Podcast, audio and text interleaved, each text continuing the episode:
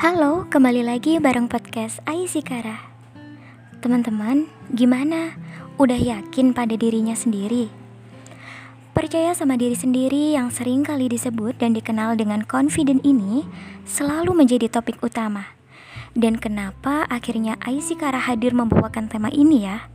Oke, mungkin bahasan pada kesempatan ini nggak akan membahas secara detail dan teknis karena aku sendiri bukan expert di bidang ini, namun dengan perbincangan satu arah ini, harapannya bisa memberikan sudut pandang bagi teman-teman.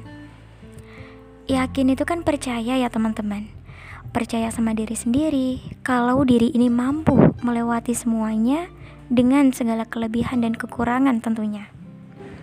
Tidak ada keraguan pada diri sendiri, tidak menolak kekurangan yang ada pada diri, tapi yakin sepenuhnya pada kemampuan diri.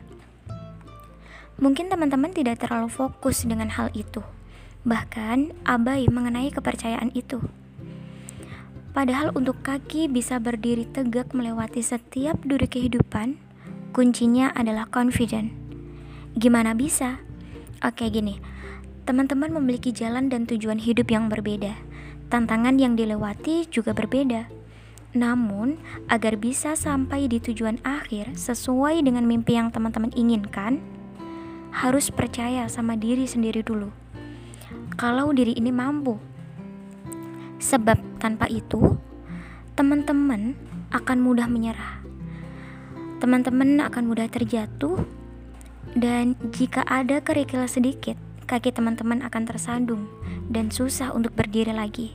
Nah, dari ilustrasi tersebut sudah menggambarkan betapa pentingnya untuk percaya diri. Lalu, apakah ada hubungan ya antara confident dengan self-acceptance?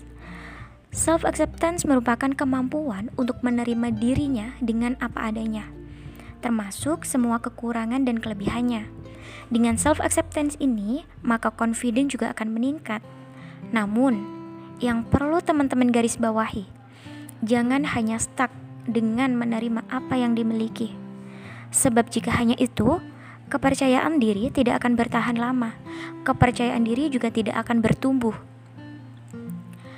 Teman-teman sudah pasti lebih tahu nih bahwa seseorang bisa dengan percaya diri tampil di depan jika sudah memiliki kemampuan dan bekal yang kuat.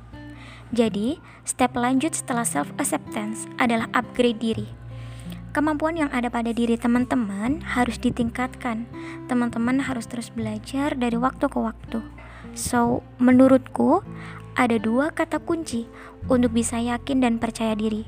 Yang pertama adalah self-acceptance, yang kedua adalah upgrade diri. Mungkin dua kata kunci itu yang menjadi highlight pada podcast kali ini. Untuk penutupan, teruntuk orang-orang hebat, hidup terus berjalan. Jangan sampai dikejar waktu. Teruslah berproses, jangan lupa jaga kesehatan, jangan lupa untuk bahagia ya. Salam untuk orang-orang terkasih. Sampai jumpa di podcast Aisikara selanjutnya.